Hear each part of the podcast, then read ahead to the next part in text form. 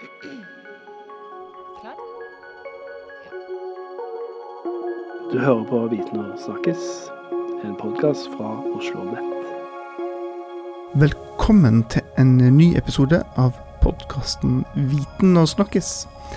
Jeg heter Halvard Lavoll, og i dag skal vi snakke om et ganske alvorlig tema. Eh, I 2018 så var det 674 som tok livet sitt.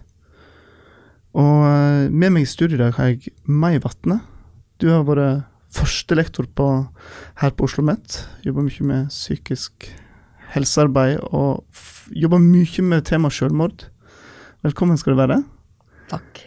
Eh, 674, er det, et, er det et høyt tall? Ja, jeg syns jo det er altfor høyt. Eh, Sammenlignet med andre dødsfall så er det kanskje ikke så høyt, syns mange, men, eh, men, det er altfor mange. Mm. Og det holder seg konstant. Selv Sjøl om det har vært gjort veldig mye for å forebygge, så går ikke tallet ned. Siste året har det jo faktisk gått opp.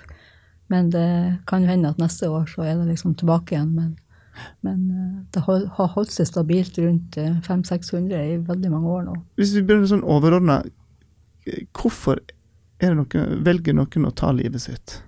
Ja, det tror jeg ikke jeg skal gi noe sånn fast svar på. For at, uh, nå har jo jeg snakka med både pasienter som jeg har hatt som sykepleier tidligere, men òg uh, med de jeg har intervjuet som har prøvd å ta livet sitt. Historiene er individuelle. Uh, det er ikke én grunn til at folk tar livet sitt. Er, ofte så er det jo mange altså opphopninger av ting og mange forskjellige grunner, og så til slutt så er det noe som kanskje får begeret til å flyte over.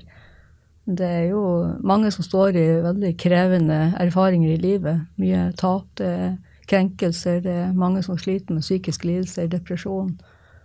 Og så skjer det kanskje noe i livet som gjør at det tipper over. Men det er veldig mange forskjellige grunner. Så jeg tror at vi kan lære ganske mye for å forstå om ifra de personlige historiene. Eh, og se at det på en måte har et bredt spekter. Mm. Det tror jeg er litt viktig. Og så er det det at det er flere menn som tar livet sitt enn kvinner. Vet jeg noe om hvorfor menn er overrepresentert her? Ja, nei, om man vet det jeg er ikke så sikker på, men eh, det er i hvert fall en idé at eh, menn ofte eh, har vanskelig for å dele vanskelige følelser, som f.eks. skam.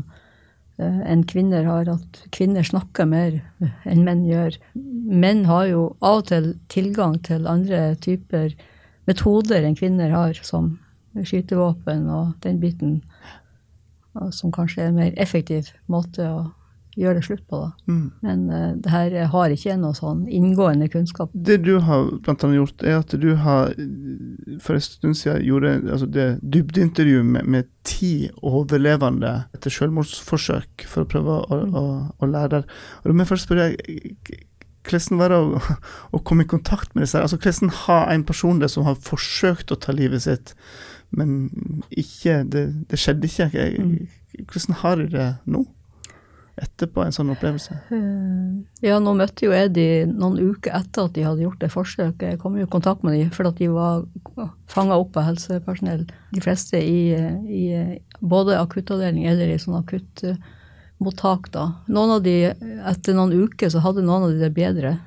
Noen av de hadde det egentlig like ille. Noen av de var i, i tvil om de var glad for at de hadde overlevd eller ikke. Jeg kan si at De fleste var glad for at de hadde overlevd, selv om de ikke, som han ene sa, tar ikke akkurat bølgen for det. Men det var ikke sånn at de rett etterpå var veldig lykkelige for at de hadde overlevd. Det, livet var jo ikke så mye annerledes rett etterpå, men det er klart at etter hvert så fikk de, de fikk jo hjelp. Og det var noen som så de, og det er klart at så etter hvert så Mens jeg hadde kontakt med de, så var de jo i, i, på tur oppover. Mm. Og noen av de snakka jo med eh, i forbindelse med en artikkel, den første artikkelen som var ferdig, og da hadde det jo skjedd positive ting i livet.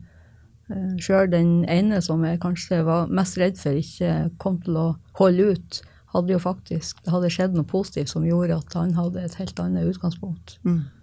Og var veldig glad for at han hadde overlevd. Ja, så folk kan få det bedre. Eh, hvis de får hjelp, blir fanga opp og får hjelp.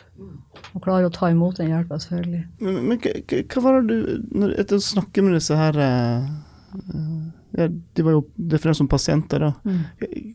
Hva var det du lærte av disse samtalene her? Det må jo ha vært først og fremst veldig spesielt å, å, å Mm. sitte så tett på disse historiene her. Mm. Ja, det var en veldig sterk opplevelse. Det var Altså, det sitter veldig dypt i meg ennå. Jeg husker de, jeg ser de for meg, jeg hører stemmer, jeg kan liksom huske setninger. eh, Selvfølgelig har jeg de på skrift, skriftlig, men, men det gjorde et sterkt inntrykk. Eh, Det var en veldig Det var overraskende mye eh, åpne historier. De fortalte mye mer enn jeg noensinne hadde tenkt at de skulle gjøre. Sånn at for, for mange, mange så var det kanskje den første muligheten de hadde for å snakke inngående om det som de hadde vært igjennom. For noen sa jo at for de hadde det vært en, eh, en, en stor hjelp at de hadde måttet, at de hadde sett eh, tråder i sitt eget liv, at de hadde møtt noen som hadde tid, og som var interessert, og som tålte å høre på det de hadde. Og, jeg var jo på en måte en helt nøytral person. og og det var liksom litt der og da. Jeg møtte de og hadde flere møter med de, men allikevel så influ influerte ikke det på den behandlingen de fikk. sånn at det var på en måte, De var jo veldig fristilt da. Så jeg fikk høre mye om uh, vanskelige uh, hendelser i barndom, ungdom, uh, nåtid og fortid, både nåtid og fortid. Om depresjoner og tidligere forsøk òg. De hadde hatt noen av de. mye ensomhet.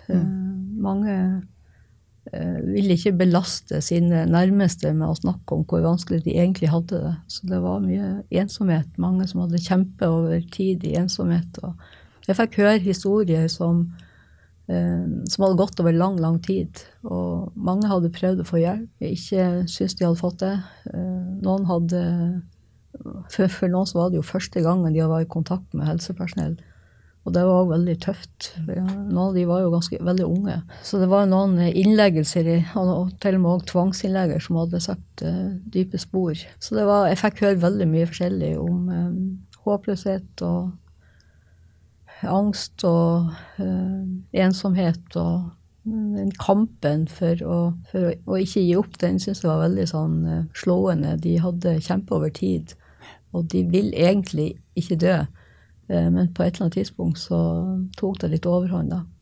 Den tanken om å dø. Jeg fikk stor respekt for, for folks vilje og styrke egentlig til å stå i så vanskelige ting. Mm. Livskraften er sterk i mennesket. Det blir jo snakka veldig mye om, om, åpenhet som en sånn viktig faktor. Løy, mange som sier det er, det er løsningen på dette her, at vi må, vi må være åpen. Nå sitter jo vi her og, Mm. og snakker om dette, her, men, men, er det så enkelt at det er liksom åpenhet som skal til altså for å uh, løse dette her? Nei, jeg tror ikke det er den ene løsningen.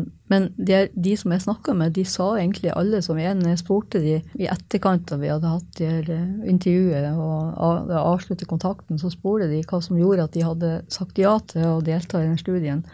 Og da var egentlig svaret at uh, de håpa at det skulle bli mer åpenhet rundt temaet, at de kunne bidra til en større åpenhet.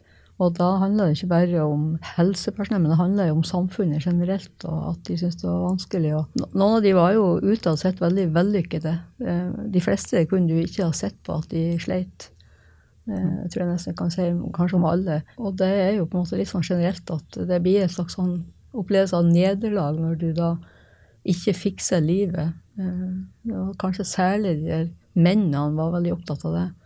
Hadde store krav til seg sjøl om prestasjon, og så fiksa de liksom ikke å være ektefelle eller stå i jobb. eller Det var til og med et nederlag at de ikke hadde klart å ta livet sitt. Men, men det med åpenhet, det, det, det, er jo så mangt. Men, men hva slags åpenhet var det snakk om? For én ting er at samfunnet snakker om det, at det blir snakket om i media og osv. Men, men er det her også snakk om åpenhet i det, i det, nære? Ja, det er jo det der med at, at det er lov å ha det vanskelig. At, du er et fullverdig menneske sjøl om du sliter med livet. Det var jo den, den biten det gikk på. At folk var redd for å bli stigmatisert når de fortalte at de hadde gjort et selvmordsforsøk. Det var jo flere som sa at de ville ikke si det til Altså, de ville ikke snakke med Gud og enhver om det. Eh, det her var veldig intimt, og, og, noen av de var veldig redd for å bli plassert i en bås.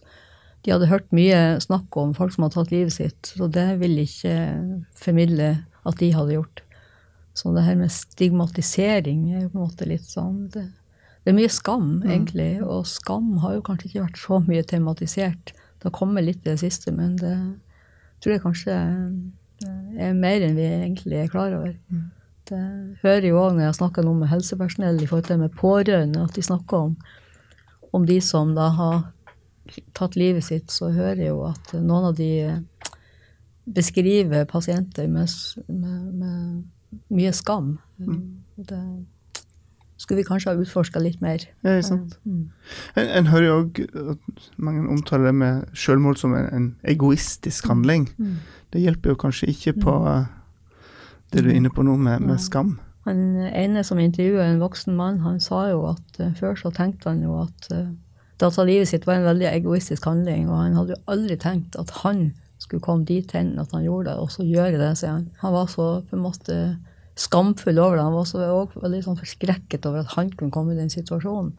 Ut ifra hva han hadde tenkt sjøl om folk som hadde prøvd å ta livet sitt. og hadde tatt livet sitt. Jeg synes i hvert fall, For meg så er det ganske fjernt å tenke på det som en egoistisk handling. Jeg tror folk gjør det på en måte, De, de ser ikke noen annen måte å, å på en måte mestre smerten sin på. da. Så jeg vil jo si at det på en måte er mer modig handling enn en feig handling. Mm. Det er jo vanskelig å forstå at folk tør å ta den beslutningen, men jeg tror bare at når de er så langt nede, så er det på en måte mange ting de ikke De mister litt perspektivet, det sier de jo sjøl òg. De skjønner ikke helt hva som skjedde. At jeg ikke tenkte på barna mine. Jeg skjønner ikke at jeg klarte å gjøre det. Ja, Det var et eller annet som ble borte. Mm, mm. Noen perspektiv som forsvant. En av de tingene du har tatt opp uh, mange ganger, er jo dette her med, med eh, helsepersonellets rolle og det med å, å ta med pårørende inn her. Er det, hvorfor er det veldig viktig? Ja, nå, jo, nå holder jeg jo på med en studie med, med, der jeg har intervjua helsepersonell som, som, har fokus på pårørende. Og, og det gjorde jeg jo egentlig både fordi at jeg, når jeg intervjua de her ti pasientene, så ble jeg egentlig veldig overrasket over hvor lite pårørende var involvert. Og, og sjøl de som hadde bedt om at pårørende, at barna skulle bli kalt inn, det har liksom gått tre måneder, og ennå var det ikke kommet til noen samtale. Eh, og var, informanten var veldig engstelig for de voksne barna, hva de hadde satt igjen med etter at de hadde funnet henne i et alvorlig selvmordsforsøk. Så det var egentlig veldig overraskende. Og så har jeg jo òg vært sittet i styret for Leve, som er en sånn forening for etterlatte ved selvmord. Det er sittet som fagperson. Og der har jeg møtt veldig mange pårørende som har blitt etterlatte. Og mange av de har hatt mye kritikk mot helsepersonell og mot hjelpeapparatet for at ikke de har blitt informert, for at ikke de har blitt møtt på en ordentlig måte, og tvert imot og satt igjen med veldig mye negative erfaringer. Mm. Så det har òg gjort at jeg syns det har vært viktig å tematisere det. Så jeg tror jo at pårørende er, de er jo på en måte de som står nærmest. og det, Jeg har jo jobba som sykepleier med pasienter, og, og kan, altså hvis vi kan tenke at noe av de følelsene som vi som hjelpepersonell kan føle, med redselen for at noe skal gå galt, angsten for at vi ikke har skjønt ting riktig, at vi ikke har vurdert ting riktig, altså det ansvaret som måte vi kan føle på. Hvis vi tenker oss inn i pårørende situasjon, så er det jo hundre ganger verre. De står jo i det daglige, de står i det døgnet rundt. Og, og med den angsten og den uh, ensomheten og den uh, det ansvaret.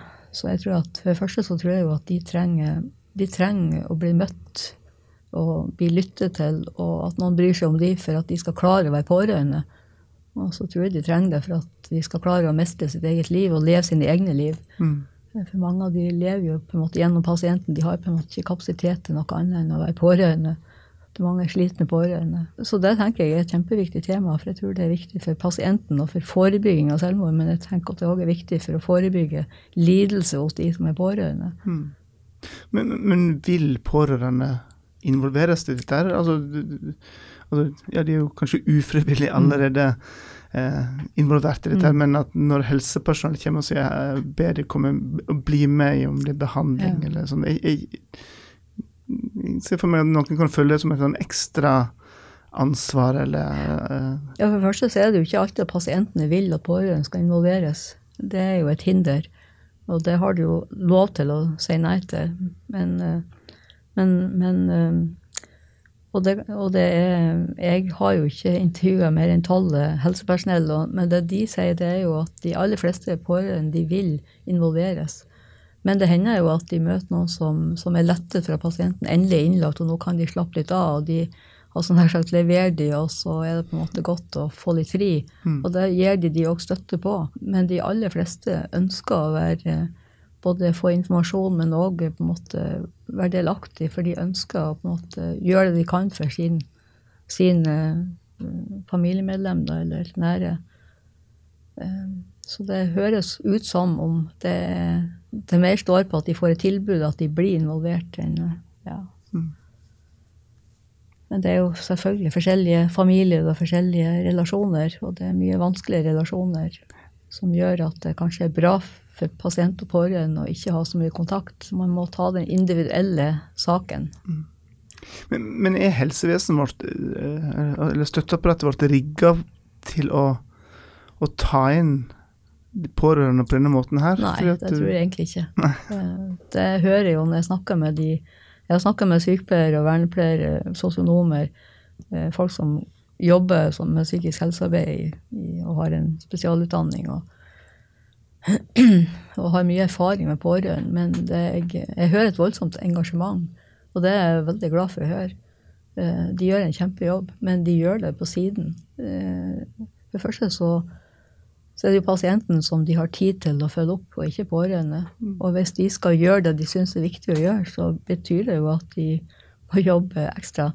Og de har heller ikke noe Altså, de, de har jo ingen sted å dokumentere hva de faktisk gjør. De kan selvfølgelig notere i pasientens journal, men, men pårørende har jo ikke noen journal. Og de samtalene som de bruker lang tid på av og til, de eh, kommer, det kommer ikke fram hva de egentlig gjør.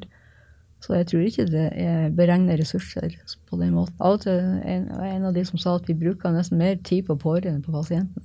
Ja. Eh, jeg tror ikke det gjelder alle, men, ja. men eh, i hvert fall er det jo godt å høre at det er i noen miljøer så tror jeg faktisk at pårørende har fått en større status og får mer oppmerksomhet og støtte enn, de, enn andre steder. Mm. Eh, men jeg tror ikke det er beregna ressurser på det, nei. nei. Så her tror jeg vi har en vei å gå. Mm. Hvordan kan en helsepersonell vurdere eh, risikoen for et selvmord? Er ikke det veldig vanskelig å, å, å, mm. å se den faren der og, og treffe de rette tiltakene for, for, å unngå dette? her? Jo, det er veldig vanskelig. Det er noe av det vanskeligste. Mange erfarne terapeuter sier at det er det vanskeligste du gjør. Du kan jo aldri være helt sikker. Du kan aldri være helt trygg. Eh, og det er jo det som på en måte skaper den litt uroen og angsten i helsepersonell. Eh, redd for å gjøre noe feil, for du kan aldri være sikker på at vi treffer. Men jeg tror jo at, at det er viktig med det relasjonelle. Eh, jeg tror at det er viktig at man har tid, og, og har tid til å engasjere seg, og har tid til å til å snakke med folk, eh, og til å stole på det de uttrykker.